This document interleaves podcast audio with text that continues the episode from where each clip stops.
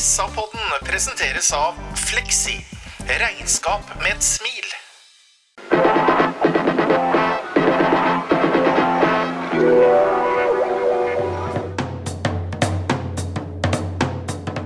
Sarpsborg Arbeiderblad gir deg en ny episode av SA-podden med Sven René Nygård, Øystein Weber, Petter Kalnes og Bjørn Inge Bingen Nilsen. Morning og hjertelig velkommen til SA-podden. Jeg sitter her med tre fotballkaller. Det er greit å bli kalt fotballkall, Sven. Ja, men det, det er reelt. Den ene fotballkallen er altså dødsbekken og lagkaptein Sven René Nygård. Hei. Hei, hei. Vi har en caper og sportssjef i Bjørn Inge Binge Nilsen, brun og vakker. Sarpsborgs svar på Julio Iglesias. Ja, Direkte fra Spaniens land, det skal vi snakke om etterpå. Og så har vi en lagleder og en eh, styreformann, nærmest. Øystein Weberg, hei. Halla, Petter. Sjøl pleier jeg å kalle meg det som Geir Myhre kalte alle sportsjournalister, nemlig mislykka idrettsutøvere. Myhre hadde rett i det aller, aller meste. Bingen, har du hatt det bra i Spania? Vi må starte med det. Vi har hatt det veldig bra i Spania.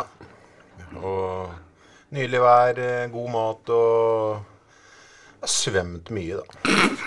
Ja, og du glemte god drikke, liksom. Jeg tenkte på han, eh, vår venn San Miguel. Var han fortsatt oppe og gikk? Han var oppe og gikk. Så hyggelig. Ja. Vi skal ikke preke om Bingens eh, forhold til San Miguel, men vi skal snakke om fotball. Sven René Nygaard, 2-1 til Sarpsborg 8 over Lillestrøm lørdag kveld. Eh, hva var helhetsinntrykket ditt? Nei, det var jo en uh, bølgedal av fotballkamp. Jeg syns vi gjør en, uh, egentlig en veldig grei, god førsteomgang. Uh, vi Jeg syns vi var i perioder Prøvde å være veldig direkte i overgangsspillet. Uh, med en Linseth som fant mye rom og fikk med seg den i medløp. Og en Kone som stakk. De lille som slet litt med det. Så det var veldig grei gjennomført førsteomgang. Annenomgangen, da blir det en type kamp som jeg elsker å se, da, så, i hvert fall når resultatet ble som det ble. Det var en krigersk innstilling, det var blød for drakta, det var kramper. Det var midtstoppere som måtte spille spiss for at de var småskada og gikk i krigen der oppe. En Joakim Thomassen som 45 meters løp, stupheada på midtbanen osv. osv. Ikke noe vakkert, men allikevel så vidunderlig nydelig. Ja, for noen ganger så trumfer resultatet alt, eh, Øystein. Ja, og det kan en sikkert bli lei av å høre, men sånn er det jo bare. Og det, så hvis du skal ha sånn et enkelt stikkord for meg, så var det jo viktig, viktig, viktig. viktig. Mm. Dette var jo dødsviktige tre poeng for å overleve. For det er det denne høsten her dreier seg om. Den dreier seg om å få lov å spille Eliteserie i 2022. Hva tenkte du når du gikk fra stadionbingen? Utrolig lettelse og utrolig deilig. Men hadde vi tapt kampen 3-2, så hadde vi vel sagt at det var en ordentlig møkkakamp fra vår side. At vi er dårlig trent, vi orker ikke, krampene kommer, dårlig tempo i laget. Eh, totalt avhengig av enkeltspillere for at vi skal klare å skåre mål osv. Men heldigvis så vinner vi 2-1. Mm. Eh, man går ut i en Det er vel 3-5-2, Sven, med, med Linseth oppspiss sammen med Kone. Eh, tenkte om det valget der da du så det, altså at Fardal Opseth var satt på benken? Jeg vet ikke hva jeg tenkte akkurat til å begynne med, men jeg ble kanskje litt overraska. Men samtidig så evaluerte jeg ganske fort med tanken på krafta til Linseth i løpsmotor. I, visste jo at han kommer til å plage både de defensive spillerne og gå ut på løpeturer i hytt og pine. Så jeg syns Linseth gjorde en veldig god jobb, spesielt i første omgang. Eh, som sagt, han fant mye rom, og når eh, Lillesund sto høyt og hadde litt trykk på oss, så fikk han mye rom å gå i. og det er klart, Jeg ble veldig overraska han ble tatt ut, da, fordi han hadde jo orka i mange minutter til. og når man ser i ettertid og etterpåklok og ser alle de som lå nede og hadde trøbbel med både det ene og andre, så burde vel kanskje Linseth stått ut kampen. Han kunne brukt på mange mulige måter. Så jeg blei litt overraska til å begynne med, men forsto ganske kjapt tanken rundt det fra Bohinen. For det, du får som sagt et menneske som på en måte går på de lange sugende løpa offensivt, og så orker jo han mye mer enn en oppsett som hadde ligget der oppe. Da han var jo nede og hjalp og rakk allikevel å komme tilbake i posisjonen sin når vi erobra ball. Så det var, eh, jeg syns det var et greit valg. Mm. Fardal Opseth var som sagt uh, satt ut av laget. Det samme var Nicolay Næss-bingen. Der kom Magnar Rødegård inn som sentral midtstopper. Jeg syns Magnar gjør en uh, meget bra kamp. Det syns jeg òg, og jeg syns det var helt fortjent at Nicolay Næss måtte, måtte, hvile. Magnar uh, Magnar er, eh, er, jo i utgangspunktet eh, for meg en mer stopper enn han er eh, mot, mot, siden. Noen snakka til meg på tribunen og lurte på hvorfor ikke Karemboko var den soleklare i, i midten. Men jeg syns Magnar løste det veldig godt, og jeg syns også Jeg sier det navnet feil hver eneste gang. Karembo, Karemoko. Men jeg syns han er en fantastisk nådeløs, fysisk flott stopper som eh, Det viser seg når han går inn noen taklinger på bakken hvor han står med ballen i bena, de andre ligger og flyr motspillere, så er det, er det mann mot eh, juniorer. Han er eh, hel ved, og jeg, jeg forstår ikke noe av det nå hvis ikke han spiller de siste kampene. Men Magnar løste den stopperrollen, eller den midtforsvarsrollen, veldig godt, og det var gledelig å se han. Både Maigård og uh, Saletos på midtbanen fikk ganske store rom og bra arbeidsbetingelser første omgang. Øystein. Uh, skapte også noen kontringer der. Par tidlige der som uh, Det er faktisk Kone som to ganger slår bort ballen. Der er egentlig sånn tre mot to-situasjoner. Jeg syns sånn summa summarum at uh, første 45 minuttene var eh, helt eh, ålreit også spillemessig. Ja, jeg, jeg syns, også ut ifra forventningene her at det var helt OK, eh, første 45. Og litt til det Bingen snakker om med, med rokeringene bak. Jeg syns også det var logisk at, eh, at Ness fikk hvile nå. Og nå tenker jeg, eh, Bingen, at eh, nå skal vi sette dette her. Vi skal ikke gjøre så veldig mye bakover. For, det- for det er ikke sånn at eh, det er ikke sånn at uh, vi er noe tjent med, tror jeg, øh, spesielt defensivt, å gjøre for mye rokeringer framover. Nå må de uh, relasjonelle tingene sette seg, og det gjør det med å spille mer og mer sammen. Eh, Så nå, nå håper jeg vi ikke får se noe spesiell eh, rullering bak der, i hvert fall. Nei, vi kan jo ta med sidebekkene som forsvarsspillere, og for deg med veldig store deler av kampen, Sven. Eh, Thomassen kan vi jo si mye om, du har allerede nevnt innsatsen. Men, men jeg syns også at Eirik Vikne begynner på en måte å ha, etablere seg i laget. Ja, og, og Vikne, sånn som jeg ser det, han har noe i seg som svært få andre 08-spillere har. Han har tempo. Han eh, har tempo nok både offensivt og defensivt til å komme seg inn i dueller og ut av dueller. Eh, Det syns jeg er en stor mangelvare på mange av 08-spillere, i kontrast f.eks. Lillesøm i går. Men de gjør helt klart en god jobb, og det er klart at den treeren som blir til en femmer der i hele annen omgang, den vi kan ikke ta dem på noe. Altså, De gjør alt i sin makt for å holde det målet rent videre. Bortsett fra Karamoko, som blir helt rundlurt av eh, Lene Olsen som førsteforsvarer. Og etter det så har vi både Vikne og en til som på en måte bør komme seg inn i skuddbanen til eh, Lene. Ikke ta fra Lene Olsen noen ting, for det var et fantastisk mål, men en trener vil bestandig se på hva kunne vi gjort for at han ikke fikk eh, sette den i mål. Men ellers så syns jeg begge side, sidebekkene, da, eh, gjorde en meget god jobb i går. På midtenbingen så er det vår venn eh, Dario som er den stabiliserende ryddegutten, mens Maigård og Saletos er offensive. Eh, Hva er liksom eh, inntrykket ditt av Dario fra Kroatia så langt? Eh, I går så sa jeg til meg sjøl at jeg syns han kanskje har vist seg fra bedre, bedre sider. Jeg syns ikke han kom helt i sin rett i går, men han gjør jo aldri noe feil med ballen. Men han ble springende litt, litt mye imellom. Det var mitt inntrykk av han i går. Om det ble noe bedre når vi gjorde forandringer i annen omgang, det er jeg ikke sikker på.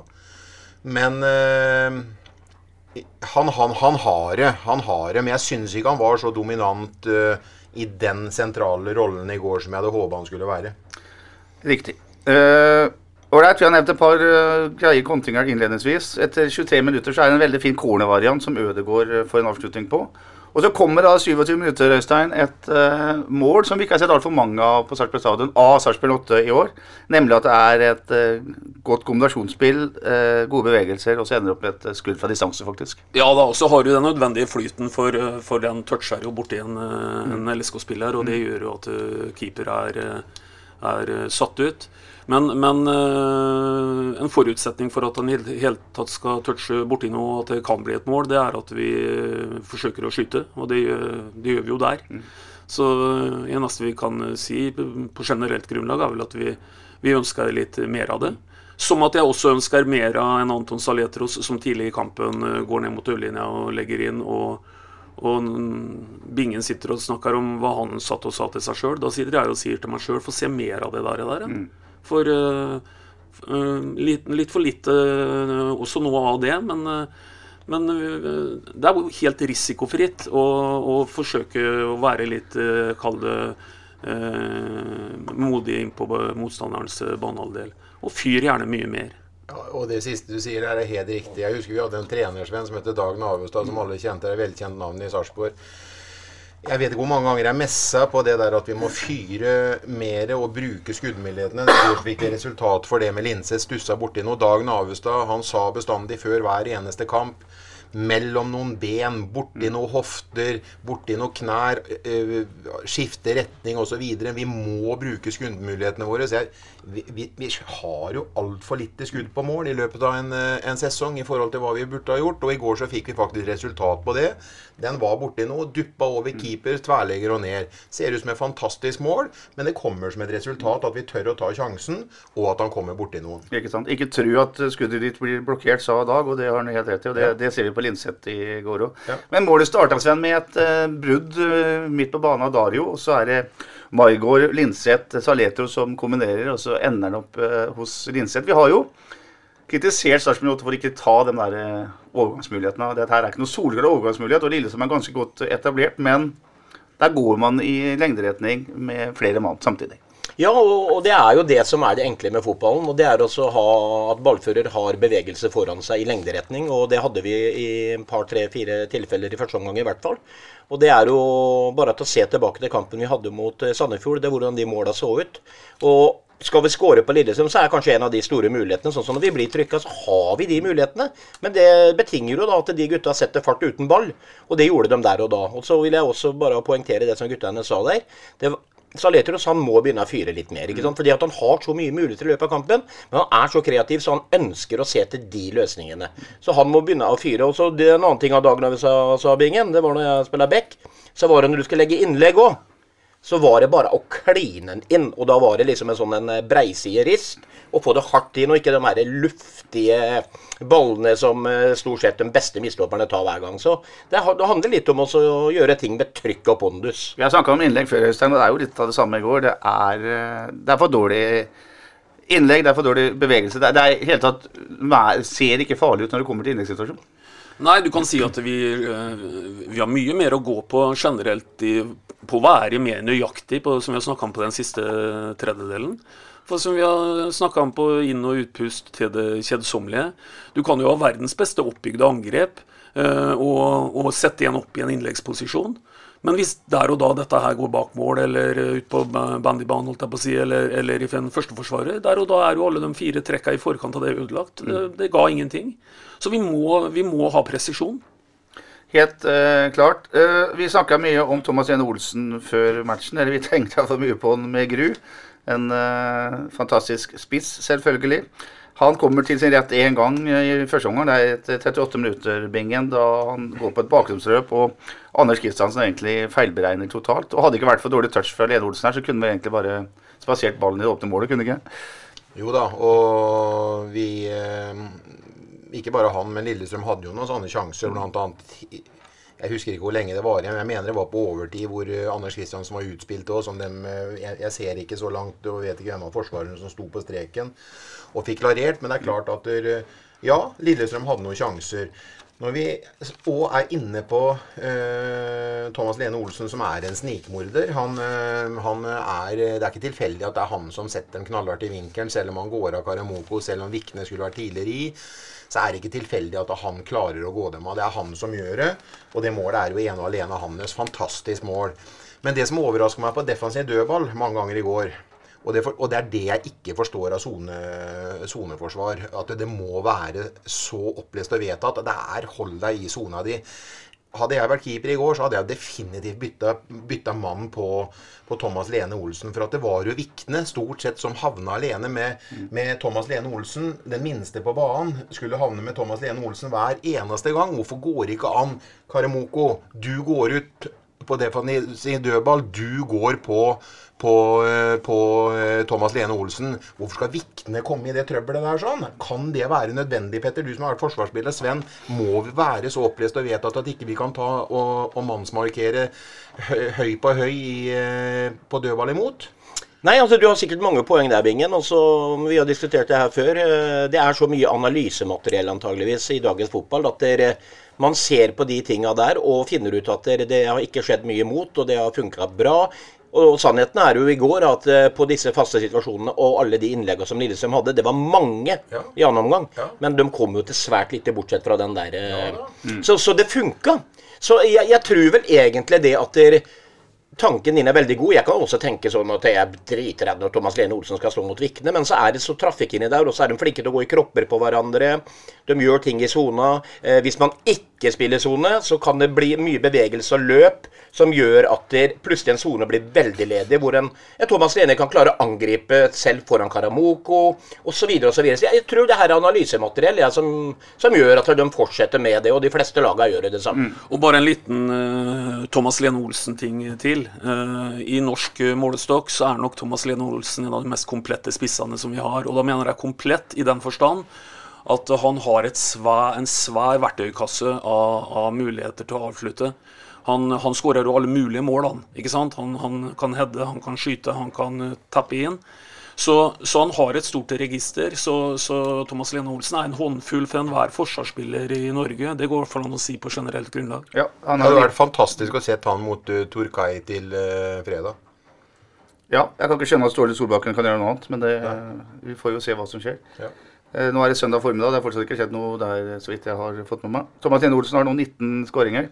Og når det gjelder soneforsvar på dødball, så er det altså sånn at man lar de tre beste hodespillerne være frie folk, mens andre skal plukke opp, uh, plukke opp spillere. Og da, men det blir jo uansett feil at uh, banens minste mann skal markere Thomas Lene Olsen. Ja, jeg syns det var veldig tydelig. Ja. For at det, I første omgang så spilte viktene mot uh, Beck mot uh, hovedrevyen. Eller ikke Beck, da, på høyre side mot uh, hovedrevyen. Og på defensiv dødball da, så tenkte jeg på hvert fall midt uh, gang på gang at han skal havne i en situasjon, syns jeg er helt, helt snålt. Men det går vel an å se på det, Dag Tore Bergerud. Ja, men samtidig som vi må, må, kan ikke slippe den helt. For det er, det er jo sant, det Petter sier. Det er de tre beste hodespillerne som er i en frirolle.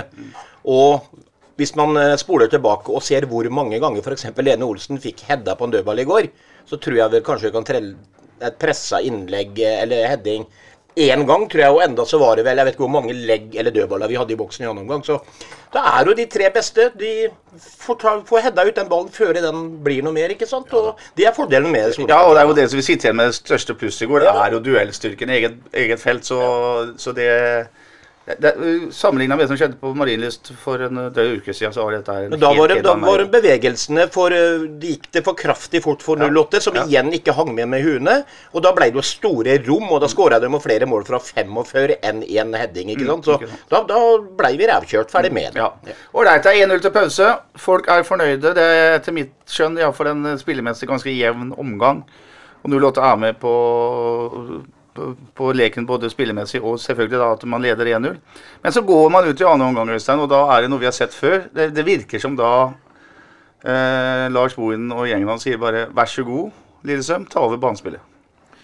Ja, og da er vi jo inne på sånne ting som at det blir plutselig veldig mye å forsvare her, og det sniker seg sikkert inn noen tanker om hvor livsviktig dette her eh, er. Og vi har jo satt oss i en situasjon hvor vi har kniven på strupen, og det er sikkert sånne elementer som også, også spiller inn. Det betyr så enormt mye. Også, for jeg jo sitter med følelsen av, når vi blir fryktelig baktunge etter hvert, at, at vi antagelig hadde tatt litt uh, mer brodd av Lillestrøm og våge å stå litt høyere. For de er ikke overspreke etter hvert, eh, de heller. De begynner å, å merke dette her. Og, og, og vi gjør antagelig oppi huene våre Lillestrøm til et eh, litt uh, for godt lag, da, tenker jeg. Eh, For all del, det er en god motstander, og de har uh, de kommer vel antagelig til å havne sånn topp seks i år, selv om de har en nedadgående trend nå.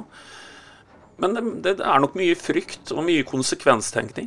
Ja, jeg skal også si at uh, Geir Bakke mangla tre-fire meget sentrale spillere i går, inkludert Gjermund Aasen. Ja, ikke minst Gjermund. Aasen, og det skal vi naturligvis være glad for. For han er jo på mange måter navet og motoren i LSK. Ja, og jeg syns også Geir Bakke har fått bra fasong på laget sitt. Det skal den gamle 08-treneren ha, selv om han eh, heldigvis tapte i går. Og det er 56 minutter. Vi har snakka om skåringen til Thomas Lene Olsen før. Vi bør ikke ta det enda en gang, men det er rett og slett uh, fotballkunst det han gjør der. Selv om både Karamoko og Vikne kanskje skulle vært litt mer uh, aggressive på han.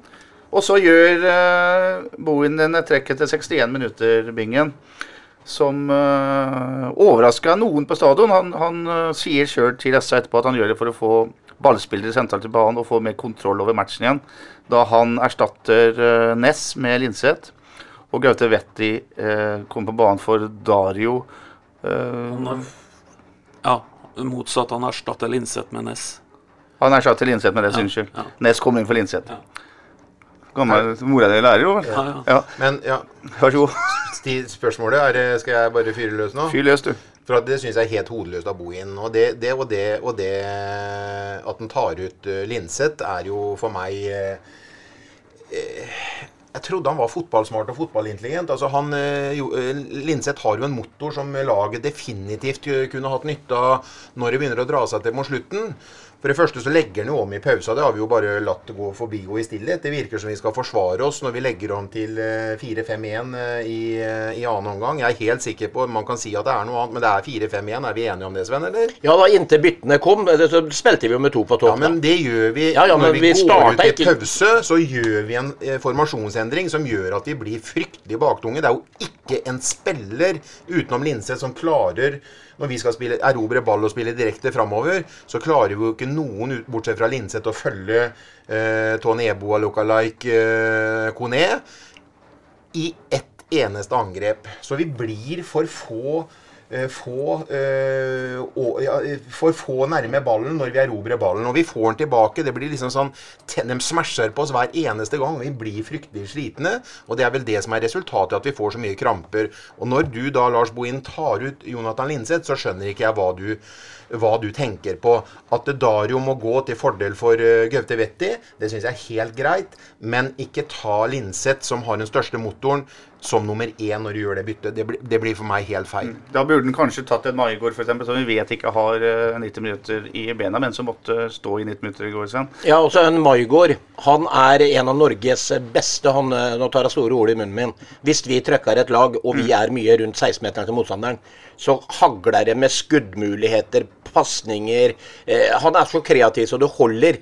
Men når vi blir trykka bakpå du så, Maigård er kjapp i beina, men det er ikke noe framdrift. Han, han, han har for lang vei til mål, rett og slett. Så da, blir han, da faller han ut av alt som er han, da, da må han nesten ut, og da må han erstatte en som kan gå inn i et lavtliggende lag på en helt annen måte. Ja.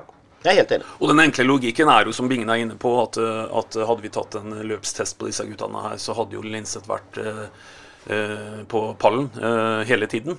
Så, så med tanke på at, eh, at eh, vi blir slitne etter hvert, og som sagt det kommer en del kramper osv., så, videre, så virker det veldig ulogisk å ta ut den som orker mest. Men se bort fra akkurat det, da, Bingen.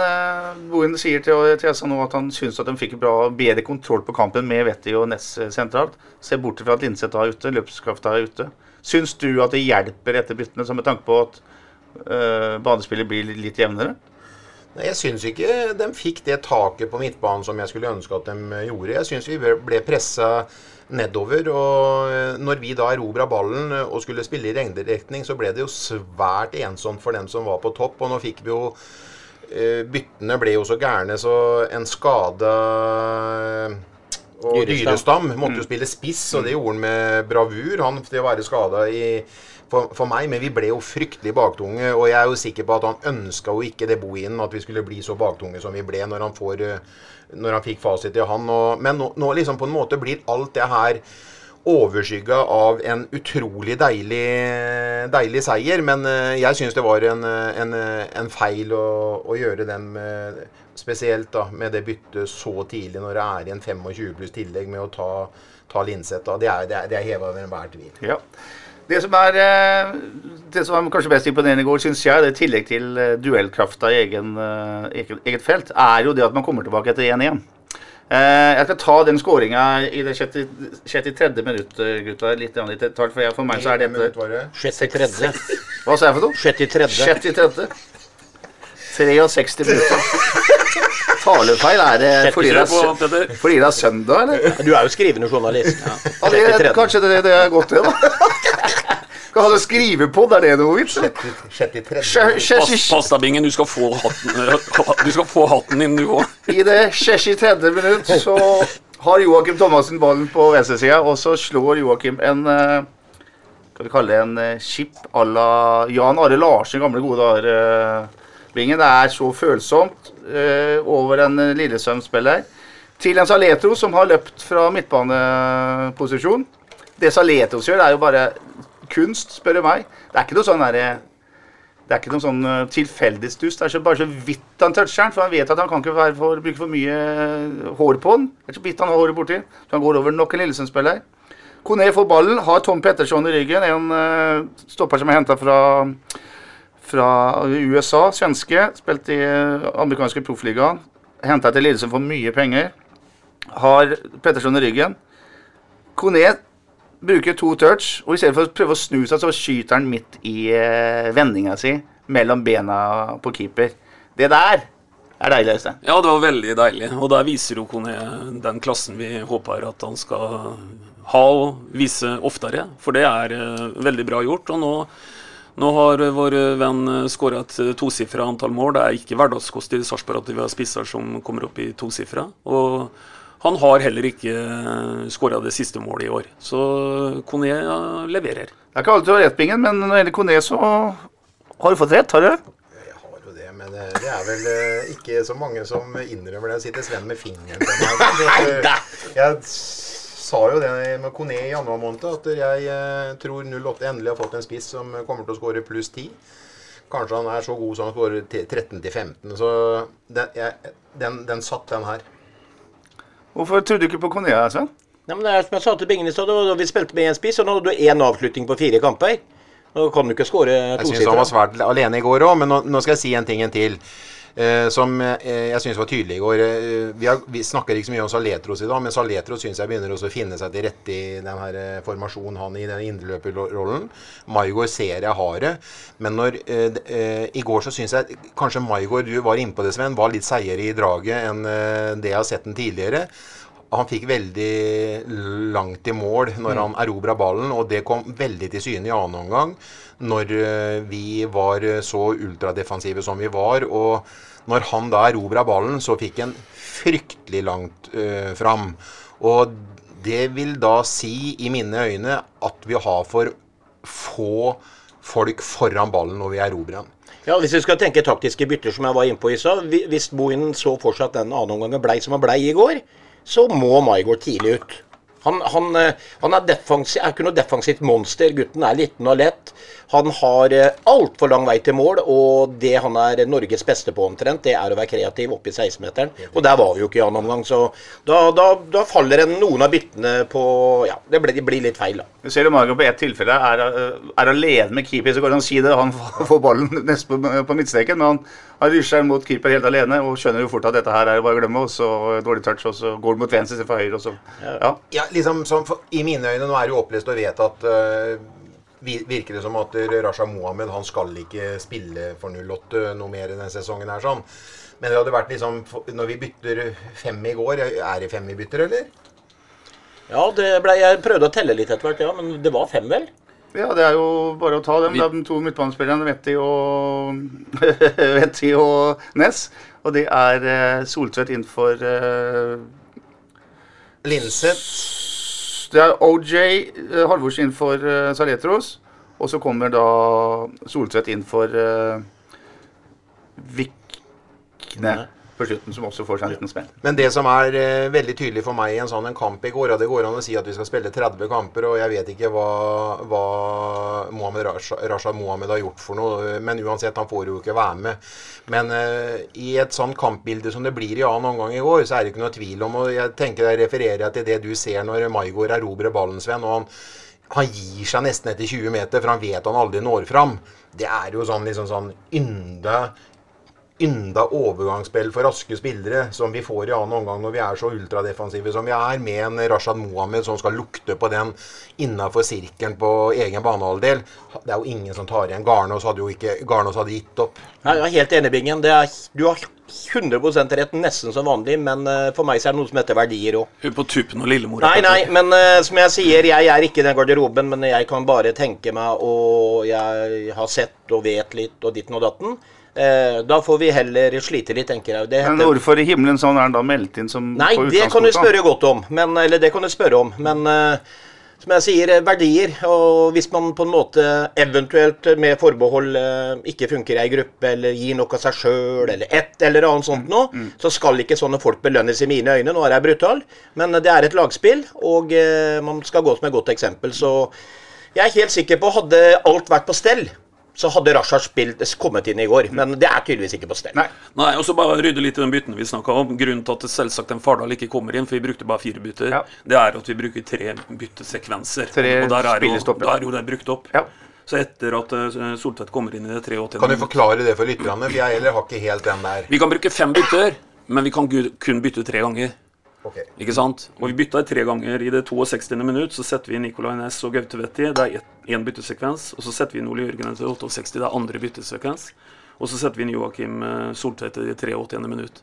For det er klart at eh, alle ser jo at uh, å ha en skada dyrestam framme, da, og, en, og en ubrukt Fardal, det høres jo rart ut, men byttene er altså da brukt opp. Ja, og man avslutter jo kampen med Kone med kraftig krampe. Vi har eh, Thomassen med krampe. Så, og, og Dyrestam har fikk seg en smell i, i brøstet. Så det er, klart at det var Man gikk på tannkjøttet på slutten. Eh, det jeg skulle si, var eh, Hvis du bruker ett ord til, eller ett minutt til på Kone, Stein uh, ti mål. Jobber som en galeislave, men han tar også et ansvar def defensivt. Han, er ikke redd for å følge et løp på egen banehalvdel. Han legger sjela si i det greiene der. Absolutt, og han, eh, han jobber hardt, og det har han fått mye kreditt eh, fra oss, eh, og det skal han fortsatt eh, få. Så kan vi jo litt sånn eh, eh, med en litt sånn skrå kommentar legge til at eh, vi skal kanskje ikke ha han for ofte kanskje innenfor egen 16-meter. Det så vi jo borte mot Godset, eller det var vel omtrent på 16-meterstreken da han ble rent vekk. Men, men han, han, han jobber hardt, og han tar de løpa bakover, som du sier. og er jo en, har jo på en måte litt sånn rart kroppsspråk, for han er jo en av de få spillerne som kan se ganske sliten ut etter fem minutter av en fotballkamp, men han er jo åpenbart ikke det. Helt eh, klart eh, Du har snakka om kontinuitet i laget, Sven, fra sesong til sesong. Det står jo litt i stjernene nå at eh, Kone spiller et annet sted i 2022. Eh, er, opplever det nok en gang? Får fram en spiller som eh, viser seg ordentlig fram, og så forsvinner han. Ja, det tror jeg. Og dessverre. Men eh, samtidig, fordelen med akkurat Kone, da jeg tror jeg at han er en spilletype. Eh, han har eh, de fysiske tingene, han har bra fart, han har liksom alt.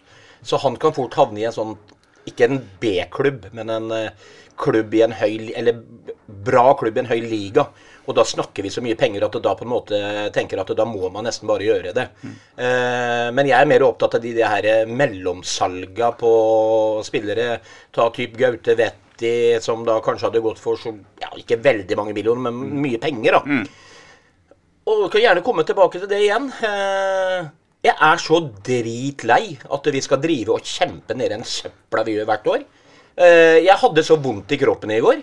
Jeg måtte sette meg mellom bena til Veberg når det var igjen to minutter. For jeg, jeg var på vei til å gå ut. Jeg orka ikke å se ferdig, og det er jo jævlig dumt da når jeg skal intervjue folk etterpå tilfelle det hadde skjedd noe. Men, eh, men, men, men, men det, alle sier at fotball er så gøy, men for meg så er det en lidelse for tredje året på rad. Og jeg vil ikke at de skal være der lenger, og jeg syns det er unødvendig å være der. For vi har ressurser, vi har infrastruktur, vi har en klubb som er i ferd med å ha vært Eliteserien eh, mer enn noen annen i så og så mange år. Så nå må vi Vi må bytte ut mange i stallen som holder for dårlig nivå i mine øyne til å være et bra eliteserielag. Vi er det vi er fordi vi har dem vi har. Ferdig med det. Noen må ryddes ut. Så må det hentes mer fart, mer hurtighet, temposterke spillere, gjerne litt yngre, men som selvfølgelig holder et så bra nivå til å gå rett inn i laget og, og heve laget. Og så må de være her. Og så må vi ha kontinuitet, så får vi tåle å selge én eller to, men ikke bytte rundt og hive inn og kaste ut og Nei, vet du hva? Åh, ja. Nei, jeg håper eh, virkelig. Et, et stadig tilbakevendende tema Ja, der. ja, Veldig viktig at vi påpeker det. Helt enig med deg, Sven. Bingen, eh, mye er en Kone verdt der når vi sammenligner med, med de andre store salgene som Sarpsborg har gjort. Hvis vi snakker på en Kepen som eh, Der vel handler om 25-30 millioner, kroner? Stein? Ja, Det er veldig vanskelig å få noe mer fra norsk fotball og ut. Og det blir jo Belgia mest sannsynligvis eh, som blir mellomstasjon før dem da selger den videre. Men klarer en norsk klubb å selge nå til utlandet for Går han for pluss 20 og kanskje en ramme på 30, så tror jeg liksom det skal være veldig realistisk. Og så får man være flink Bjørg Øyestad igjen med å få med noe videresalg her, sånn, for det er jo det har jo klubben uh, fått mye millioner for uh, i payback de senere åra. Men uh, det er vanskelig å få noe mer direkte ut fra Norge. Men han blir mest sannsynligvis en spiller som kommer til å spille i en eh, annen klubb på sikt, men en mellomstasjon blir nok eh, etter stor sannsynlighet Belgia. Ja, Nå vet ikke jeg om jeg skal understreke poenget enda mer, men, men eh, For guttene har for så vidt sagt noe av det samme. Men jeg tar helt for gitt at han ikke spiller i Sarpsborg når sesongen 2022 setter i gang.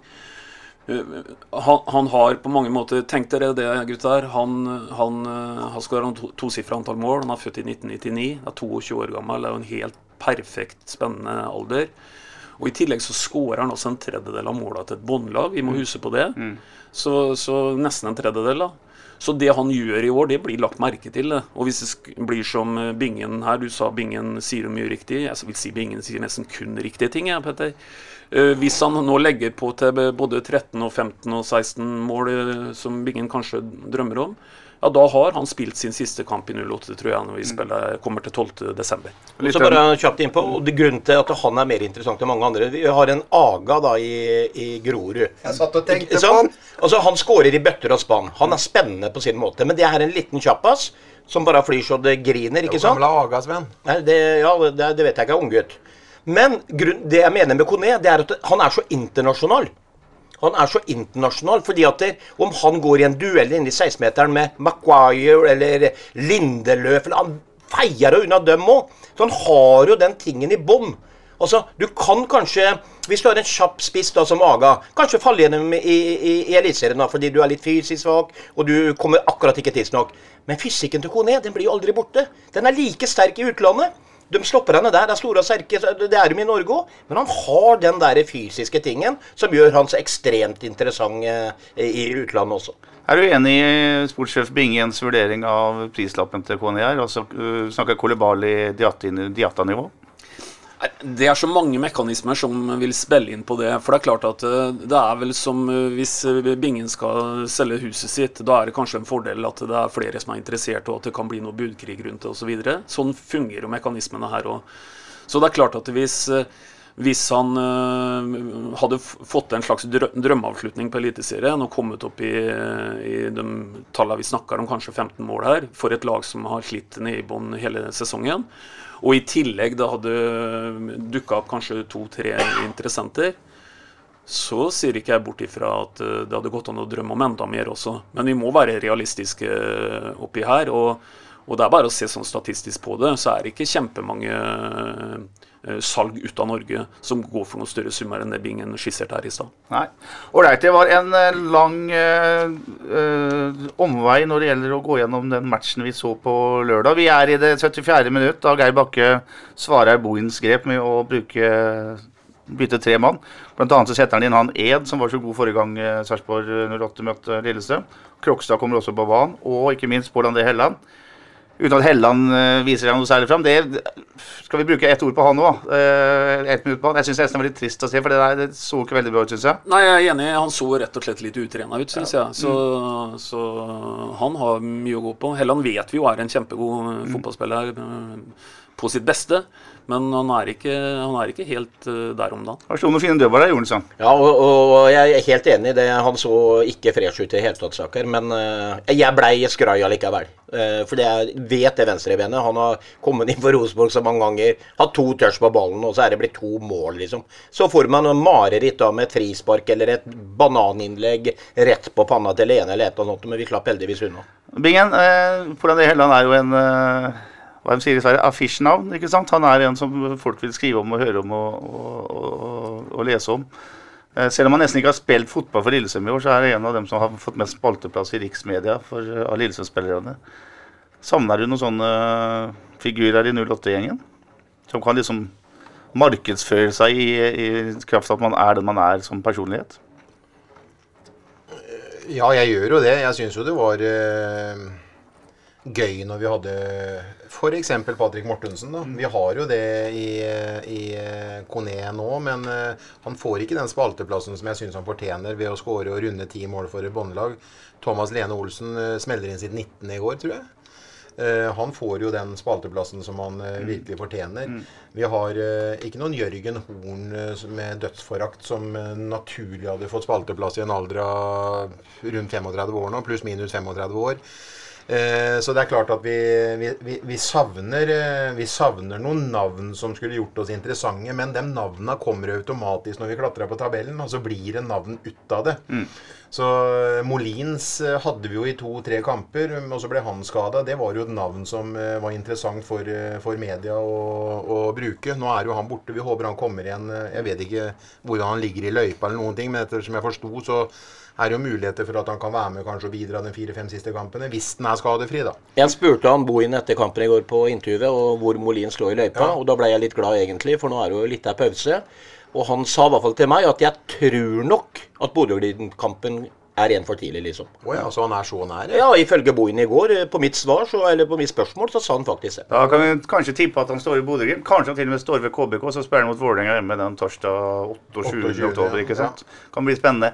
Uh, men, men, tilbake til det å ha typer i laget. Er det, er det noe poeng når man skal ut og hente fotballspillere, at man også skal tenke på altså, mer enn bare rent fotballmessig? da? Ja, altså det er for så vidt et poeng, og det, det blir egentlig viktigere og viktigere. Uh, uh, alle som skal markedsføre 08, er viktig at de gjør en, uh, gjør en også best mulig figur i, i media. Dette her har jo forandra seg veldig mye fra den tida hvor hvor f.eks. Sven og, og, Bingen spiller fotball. Og, og nå, har du, nå, har du, media rundt deg hele tiden. Og og det gjelder uansett om du er sportssjef eller hva du er. Du, du, blir målt også på det.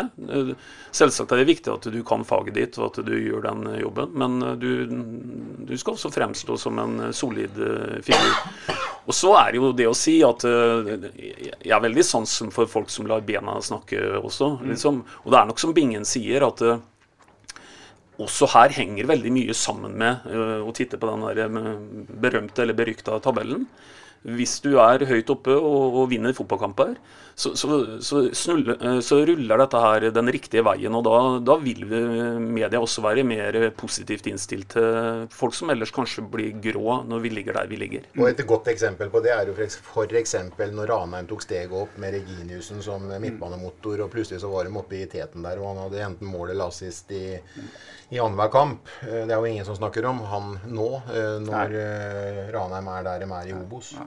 Og skal vi snakke om Raymond Kvisvik, som uh, vel ikke er helt i Bergen fordi han var så morsom og artig, men at han var så god at han redda dem ved et par anledninger. ikke sant? Han var vel egentlig begge deler? Ja, han var begge deler, men det, var, det, det, det viktigste er at han tross alt gir dem den poengen. Sånn absolutt. absolutt. Ja.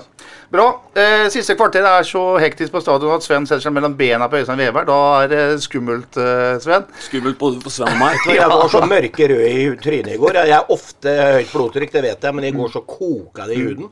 Jeg kjente når jeg sto og intervjua nede, at jeg var, jeg, var, jeg var, så varm i ansiktet. Det er ikke behagelig i hele tatt. Den der capsen til mange ble jo nesten uh, rosa en periode der. Ja, han uh, fikk en annen farge.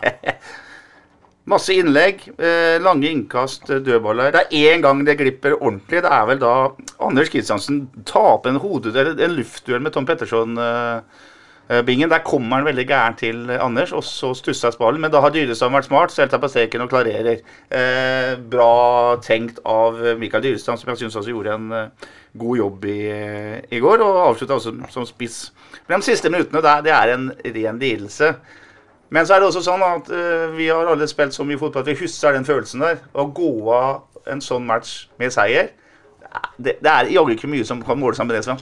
Nei, og det var eh, Og det er jeg helt enig i, og det var den følelsen jeg satt med i går. Og det spørsmålet stilte jeg også til Bohinen, og han var faktisk enig med meg der. At det var nesten eh, Det var deiligere å vinne den kampen på den måten det var i går, enn å vinne 3-0 av full kontroll. Det er noe med at du tar med deg den energien hjem. Eh, du, Jeg huser sjøl, du setter deg i sofaen etter at du har kommet deg hjem. Du ser at du har et lite kutt ned på leggen, du har vondt i panna, du har hoven albu, og så har du vunnet. Eh, det, det er, eh, og, og, du skal ikke undervurdere den der eh, mentaliteten som spillerne visste i går. Og når de samtidig får betalt da, med de tre poengene For det kunne jo blitt 2-2, og da hadde, de, da hadde, de fått ekstra vondt i albuen, ekstra stort kutt og alt dette på en gang. Men når de får de tre poengene på den måten de gjør i går, det er noe du kan ta med i den der store banken når du skal kjempe om flere poeng så vi skal spille Eliteserien i 2022. Så målvaktbingen, når det er så svært trøkk på laget ditt eller mot din egen 16-meter eh, som det er på slutten her for Kristiansen eh, Det er en svær utfordring det med at du skal være aktiv nok. Syns du Kristiansen er tøff nok i, i, i duellspillet? Nei. Han går ikke ofte nok. Nei. Begrunn det litt, da. Ja, du. Eh, Jeg kan trekke fram to eh, ganger hvor han gikk i går. Den ene gangen var helt overlegen når han eh, gikk ut i første omgang og dro ned en ball helt totalt klokkerent. Han kunne fått folk i kroppen, men han var så tidlig ute og markerte at den har jeg, at de vek unna. Da gjør han det helt riktig. Og så var det en gang til eh, helt i de siste minuttene som det kom en innsving av corner som egentlig han ikke hadde noe annen mulighet til, for den var Den søkte egentlig kroppen hans. Så da var det eh, ikke noe annen utvei enn at den skulle han plukke. Han slapp den nok riktig i bakken, så la han seg over den og ble liggende. Men eh, jeg syns Anders har de siste kampene Eller han har fått enormt mye skryt av oss. Jeg kunne godt tenkt meg å sett en mye mer offensiv Anders Kristiansen i feltet. Det blir for mye eh, at han stoler på forsvaret sitt, eh, til og med på baller som ramler ned fra straffefeltet og innover. Og det syns jeg er feil. Da er han inne i en negativ spiral for meg. Men er det ikke så mye folk i feltet der at det er eh, like greit å holde seg unna? Nei, jeg syns ikke det. Jeg syns han skal være mye mer sjef. Det er mye folk rundt den, ja, men han kan ikke stole på For etter én retningsforandring eller én panne mot deg på mål, da så sitter han. altså. Så enkelt er det. Og hvis du ikke tør å gå ut, selv om det er en fire-fem stykken eh, i den situasjonen, og du har fart inn i ballen, og du setter stemmet ditt og får opp kne, og du har armer som skal gå langt over huene på de andre, så stoler du egentlig ikke helt på det offensive spillet ditt i, i, i feltet. Og det der har Anders hatt en negativ utvikling, etter min mening nå. Han er eh, en spiller som eh, redda en del eh, viktige poeng for oss og var matchavgjørende jeg vil si helt fram til det var spilt en 12-13 kamper. Men å holde det trøkket gjennom en hel sesong har vist seg å være litt vanskelig for han. Nå går ikke ballen så ofte, søker ikke ballen så ofte kroppen hans i én mot én osv. Nå blir det mål som blir skåra fra mellom bena hans osv. Men det med feltet, det er en ting en som nå Og nå blir sikkert eh, Holtan, når jeg går forbi dem bak mål neste gang nå, så blir de sikkert eh, mener de at det var helt feil av meg å si. Men jeg mener i beste mening, Anders, går du mer og er mer offensiv i feltet, så slipper du dem der at de ramler ned på femmeter når det blir klabb og babb, og så sitter den i nettet i, i, i vårt nett, da, og det er dumt. Som forsvarsspiller Sven, syns han sprer nok trygghet til folka foran seg. Jeg vet ikke hvor enig jeg skal være med Bingen, jeg får være helt ærlig. Altså Som forsvarsspiller eh, Jeg har aldri vært keeper. Jo, det har jeg spilt eh, faktisk vært keeper i en omgang. Eh, obligatorisk. Og Bingen satt ut av det. Ja, holdt nullen. Nei, jeg, ikke, det bør ikke sammenligne meg med Nei da, nei da. Men uh, det var rødt Samler på keeper og tatt byttene, så jeg måtte Han har go- Godterød nei, hva het han? Godterød? Alf Ole Godterød. Ja, han tror jeg Nei, ikke jeg Godteberg. Godteberg. Ble skada eller fikk rødt kort. Det var det året jeg spilte på alle plassene, tror Kan du prøve å komme til Jo, poenget nå? eh, jeg syns i annen omgang at det var så ekstremt mye trafikk inn i boksen at Lillestrøm altså jeg, jeg har følelsen at vi egentlig bodde inne i 16-meteren vår. Og når de lega kom der, så tenker jeg at eh, hvis en Anders skal være veldig offensiv der og gå ut i de duellene, så risikerer du at det ikke kommer fram, øh, og så kommer den øh, øh, Kommer et hue på ballen, så har han, er han ikke på streken engang og kan redde den ballen. Så jeg, hadde følt meg utrygg som keeper uansett, tror jeg, sånn som annen gang jeg så i går. For det var så veldig mye trafikk inni der. Herregud, det var vel sikkert en 11-12-13 spillere inni der hele tida.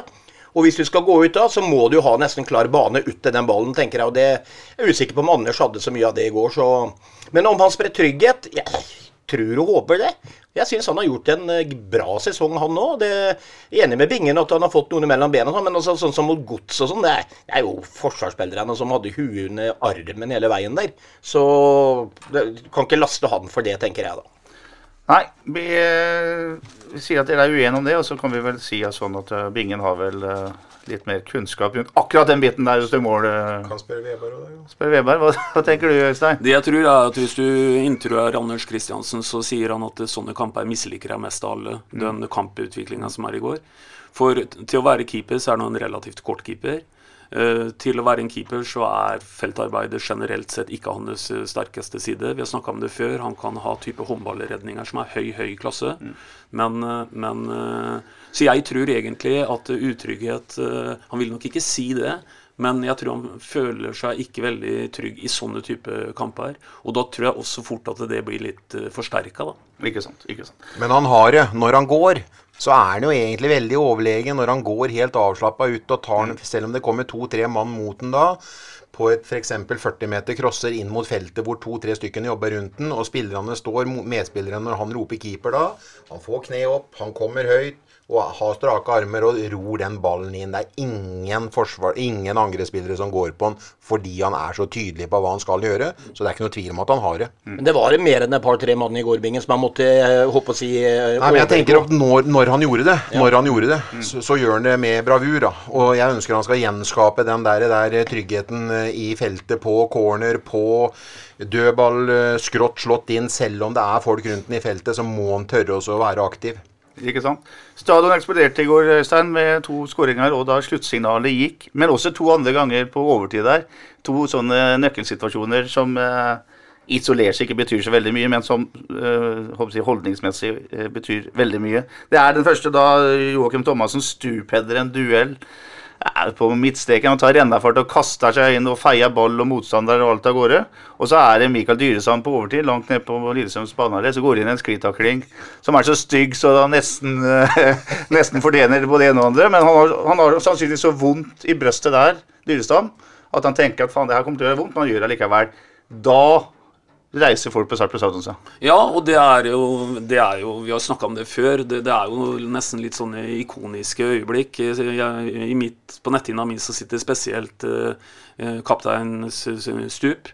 Uh, han viser noe mer enn bare å heade vekk den ballen. Han viser på en måte uh, hvor mye dette her betyr. Mm. Og, og, det, og, det, smitter, sånne ting som det. Og det er jo det som er hele caset her. Det smitter helt sikkert både på lagkamerater og langt opp på tribunen. Og så går sluttsignalet, Bingen, og så er man tre, minutter, tre poeng nærmere sikker plass. Ja, det er langt ifra sikkert. Eh, men eh, det var i hvert fall en utrolig deilig følelse når dommeren blåste, og den lettelsen og den positiviteten som spredde seg når, når kampen var ferdig, og det folket tok med seg hjem i de tusen hjem og til byen i går etterpå, var jo egentlig glede, da. Og vi har jo ikke opplevd så mye gleder etter Europaligaen. Og når det skjer på en lørdag i tillegg til, så blir jo vannhulla fylt, og vi blir, blir, glade alle sammen. Absolutt. Da er vi over på publikumstall, Øystein. Det er jo blitt sånn i idretten at man opplyser solgte billetter. Eh, fra spikeren på stadion. Det er ikke noe kritikk av spikeren på stadion. Torsi gjør en kjempejobb, men han får beskjed om at det er solgt 4900 37 billetter til den kampen. Og så ser alle at det er eh, langt, langt færre tilskuere på Sarpsborg stadion.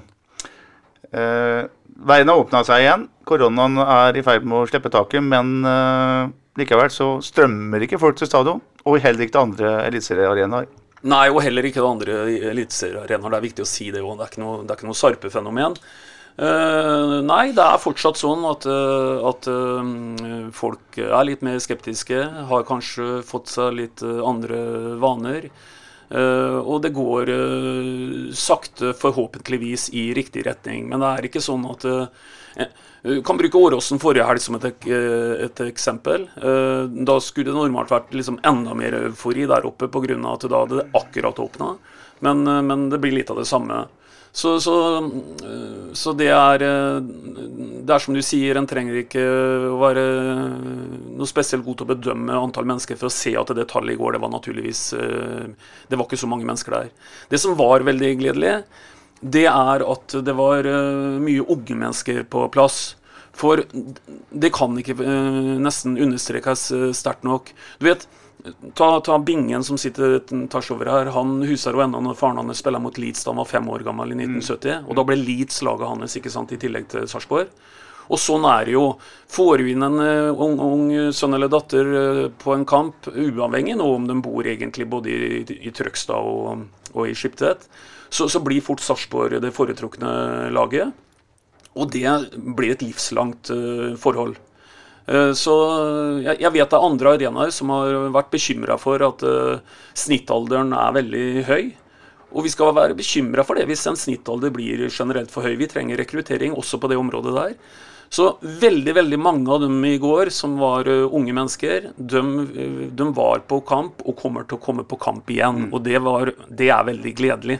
Det ble gjort et grep, eh, så vidt jeg vet, at eh, enkelte bedrifter, deriblant disse, har eh, kjøpt opp noen billetter som har blitt delt ut gratis til unger, bl.a. via via idrettslag. Vi var selv på Tunbanen om fredagen og så det kom folk og henta billetter til, til matchen der, som hadde fått det da via, via Tune idrettslag. Ja, men Fantastisk hyggelig. Det er jo helt fantastisk at det grepet blir gjort. For ettersom jeg forsto, så var det 750 billetter som, mm. som var da bak målet mot kunstisen. Og du hører den derre barnestemmene når det blir redning på strek, eller mm. det blir, eh, blir, eh, blir en feil avblåsning fra dommeren, og de er entusiastiske. Du hører jo at det er barn, det er lyse stemmer. Du blir jo får nesten helt sånn frysninger på ryggen. Og det er, som du sier, eh, det er jo da helter blir skapt i de små barneøya, og det er jo da de ønsker å identifisere seg, og det er jo dem som kommer tilbake. Så jeg syns det er fantastisk grep av eh, markedsavdelingen med, i 08 at de får med seg bedrifter i byen som gjør det nettopp for barn. Jeg er helt enig, og, og bare for å lage en liten sånn en, um, tegne et litt annet bilde på det, for her er det mye å gå på. Eh, Vi har eh, opp igjennom opplevd at det kommer eh, berømte lag til Norge på sommerstid og skal spille litt sånn oppvisningskamper osv. Det er som regel ingenting å se på, det har vi jo lært. Sånne, sånne kamper har ikke noe særlig verdi. Men like fullt så skal ofte sånne lag ha mye penger for å komme. Alt skal være dekka, og det er etter mitt skjønn rimelig meningsløst. Nå skal jeg komme med et forretningstips som er helt vederlagsfritt fra min side. Når Real Madrid skal spille i Oslo f.eks., da burde de eh, sagt vi skal ikke ha noen ting for å komme. Det er småpenger for oss uansett. Eh, Vi slipper inn gratis. Det ligger en realdrakt på samtlige seter. Og hvis vi kan påvirke det, så vil vi helst at eh, 80% av dem som kommer, skal være under 16 år. Da hadde du skapt noe da. ikke sant? Da, da hadde du, da hadde du laga et liv da, som skulle reise til den byen mange mange, mange ganger og legge igjen penger eh, osv. Det, er den- det er den store bildet jeg snakker om nå. Men litt av den samme tenkninga går an å tenke når det gjelder rekruttering av eh, morgendagens eh, fotballtilhengere. Slipp dem inn gratis. Det kalles en utgift til inntektservervelse. Helt eh, klart. Resten av publikum Fantastisk, Øystein Weber. Få, få Real Madrid til stadion nå. Nei, men jeg tenker på de ungene jeg, i Ja, forhold til ja, ja. Det er fantastisk uh, jeg, å høre deg snakke nå, Vi er bare Veldig flink. Det, jeg bare understreker det fordi at jeg jobba jo i Trøgstad i mange år. Og der oppe var en del unger som var med mamma og pappa på Åråsen. For det var liksom litt nære. Så det var liksom laget de kunne se på. Og da husker jeg, da jobba jeg jo litt i 08. Da ordna jeg masse gratisbilletter til barnehagen oppe osv. Det kom masse mennesker fra Trøgstad. Og jeg har sett de menneskene på Sarpsborg stadion i ettertid. De hadde aldri vært der hvis jeg ikke hadde ordna billettene den gangen, det tør jeg påstå. Men de blei bitt av basillen, som Øystein og Bingen har vært inne på. Helt klart. Eh, andre del av publikum på stadion i går, vil man si noe om det? Det er en eh, 400 mennesker fra Lillestrøm og en bra gjeng i fossefallet.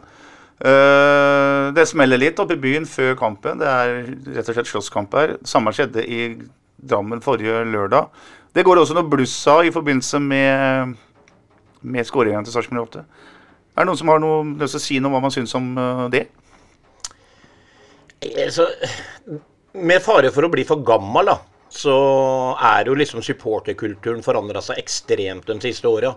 Det er eh, noe av verdien for mange å stå med ryggen til kampen. Eh, få i gang eh, supporterne, tenne bluss.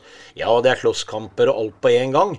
Jeg kan ikke si det er Jeg syns ikke det er noe hyggelig som en nøytral supporter å se på, men eh, ja, det er litt skummelt å prate om det, fordi det er, det er jo ikke bare Sarpsborg 08. Det er ikke bare Kanarifans. Det er liksom, det er jo liksom sånn det er rundt overalt. Så jeg vet liksom ikke Øystein, hva jeg skal si om det. For jeg syns det er nesten skummelt å si at det her er noe piss. eh, Eller om det er en måte å, ha kulturen på videre. Jeg vet ikke. Ja da, men, men øh, det, det er i hvert fall ikke bra hvis det blir sånn at folk er utrygge, da. Eh, Det er jo ikke bra. Akkurat nå snakka vi om å slippe yngre mennesker inn på tribunen, og det kan jo ikke være sånn at foreldre kvier seg for å sende ungene til et fotballarrangement.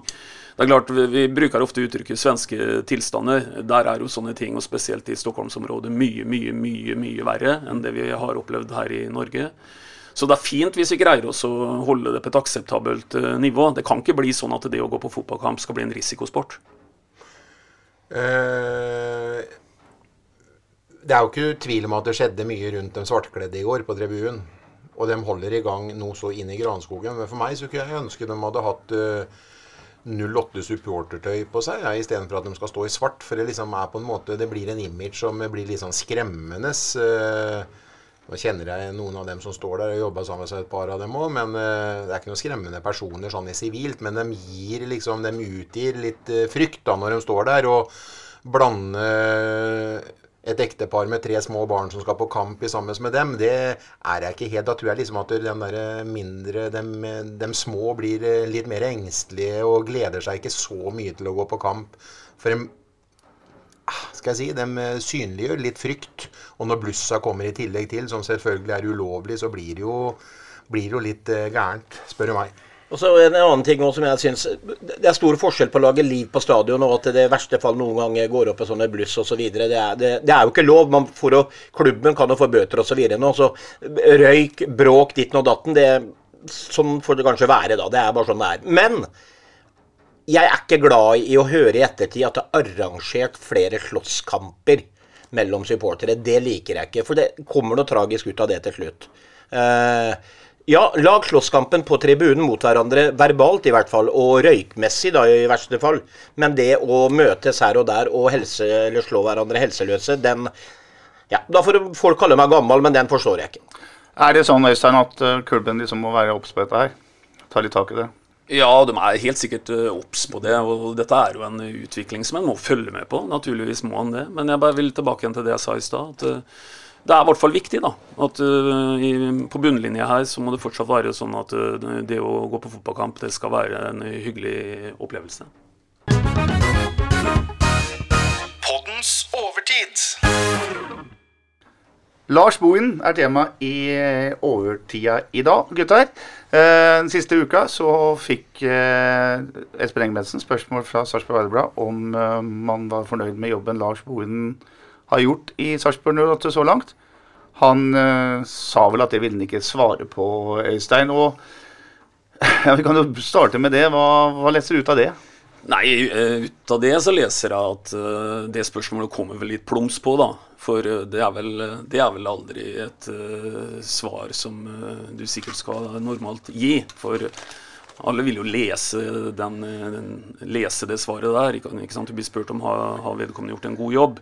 Hvis du da mener at han har gjort en superbra jobb, så må du jo si han har gjort en superbra jobb. For det er jo hyggelig for arbeidstakerne å høre òg når du sier at du ikke har noen kommentar til det, hvis dette er eh, sitert helt riktig, da, så, så, blir vel han Espen tatt litt på senga av det spørsmålet. da. Ja, men Bør han egentlig bli tatt på senga etter 0-5 mot uh, Godset? Nei, det er jo en annen ting. Men, uh, men det, det, virker jo for meg som at han i hvert fall ikke har forberedt seg akkurat på at det spørsmålet skulle dukke opp. For det mm. kommer litt gærent ut. Mm.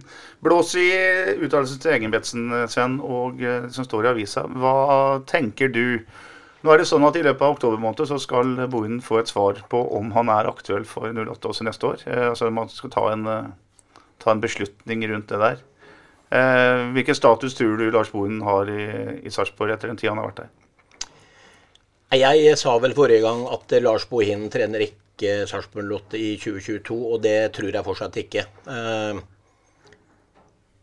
jeg har sett for liten progresjon i laget, syns jeg. Jeg syns ikke vi har heva oss noe spesielt. Vi, er vel på et poengsnitt som vi har vært uh, hele tiden. Uh, samtidig så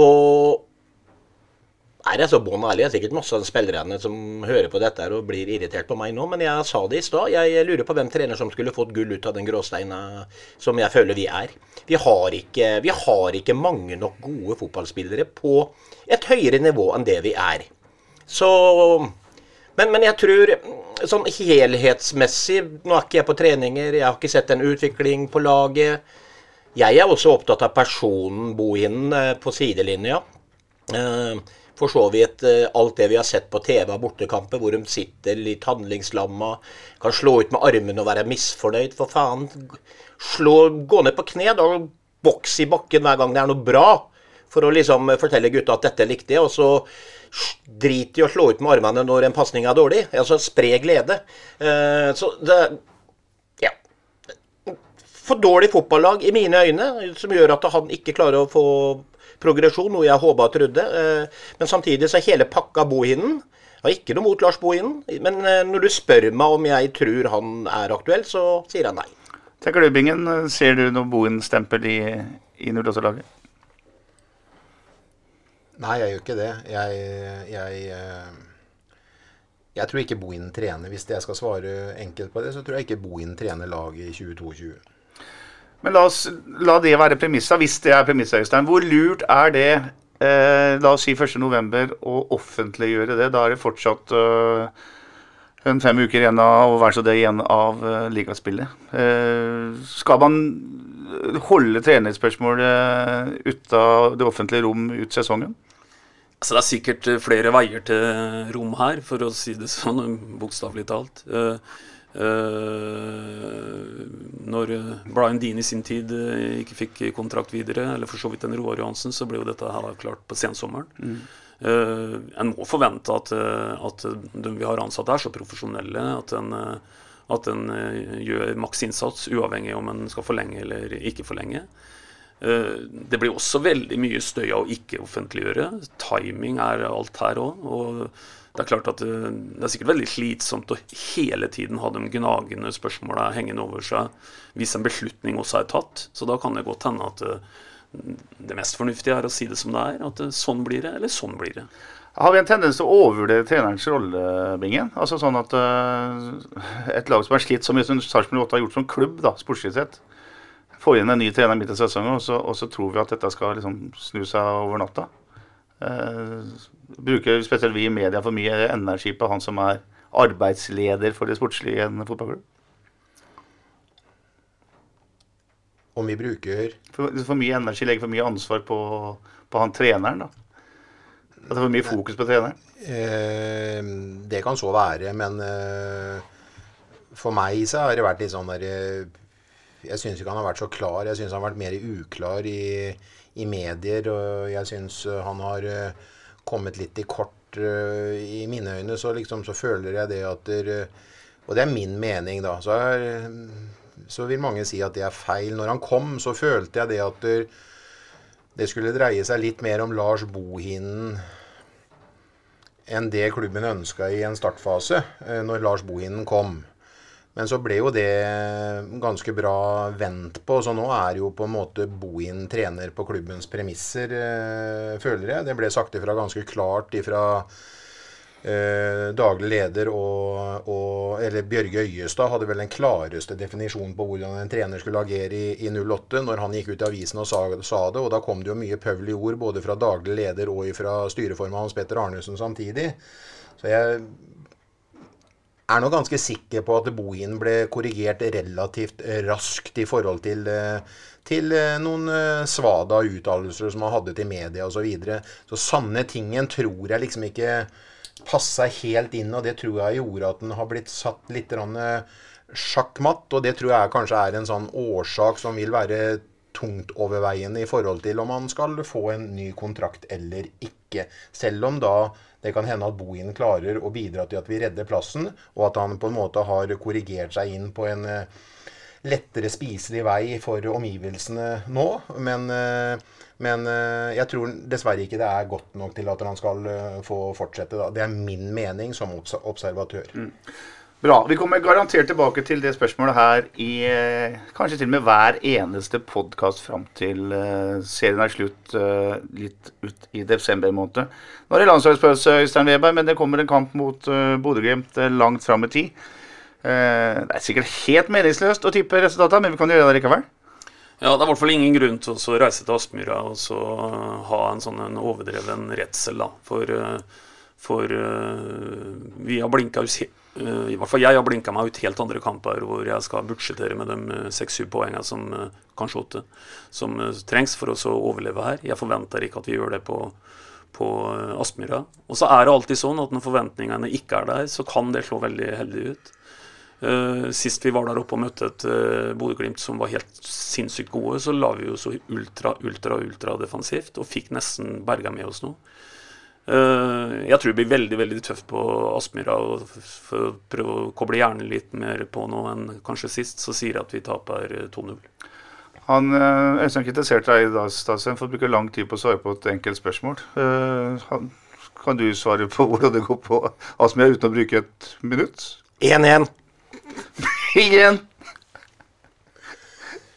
Eh, Er du overrasket over at du fikk spørsmål om Ja, det er Og at du fikk det sist, det er jo verst. Nei, men eh, det skal ikke mye til eh, Ja, kom igjen da, Binge. Nei, jeg kan tenke meg at det blir 1-1. Nei, men faen! Det kan du ikke kopiere meg hver gang! Og jeg avslutter den første ordinære podkastsendinga fra Jernbanegata 11. SAs nye lokaler. Velkommen og bø- besøk oss en eller annen gang når vi kommer oss inn. Med at det blir 1-1. Og Aspmyra, vi sier som vi pleier da. Vi preker. Prekas. SA-podden presenteres av Fleksi. Regnskap med et smil.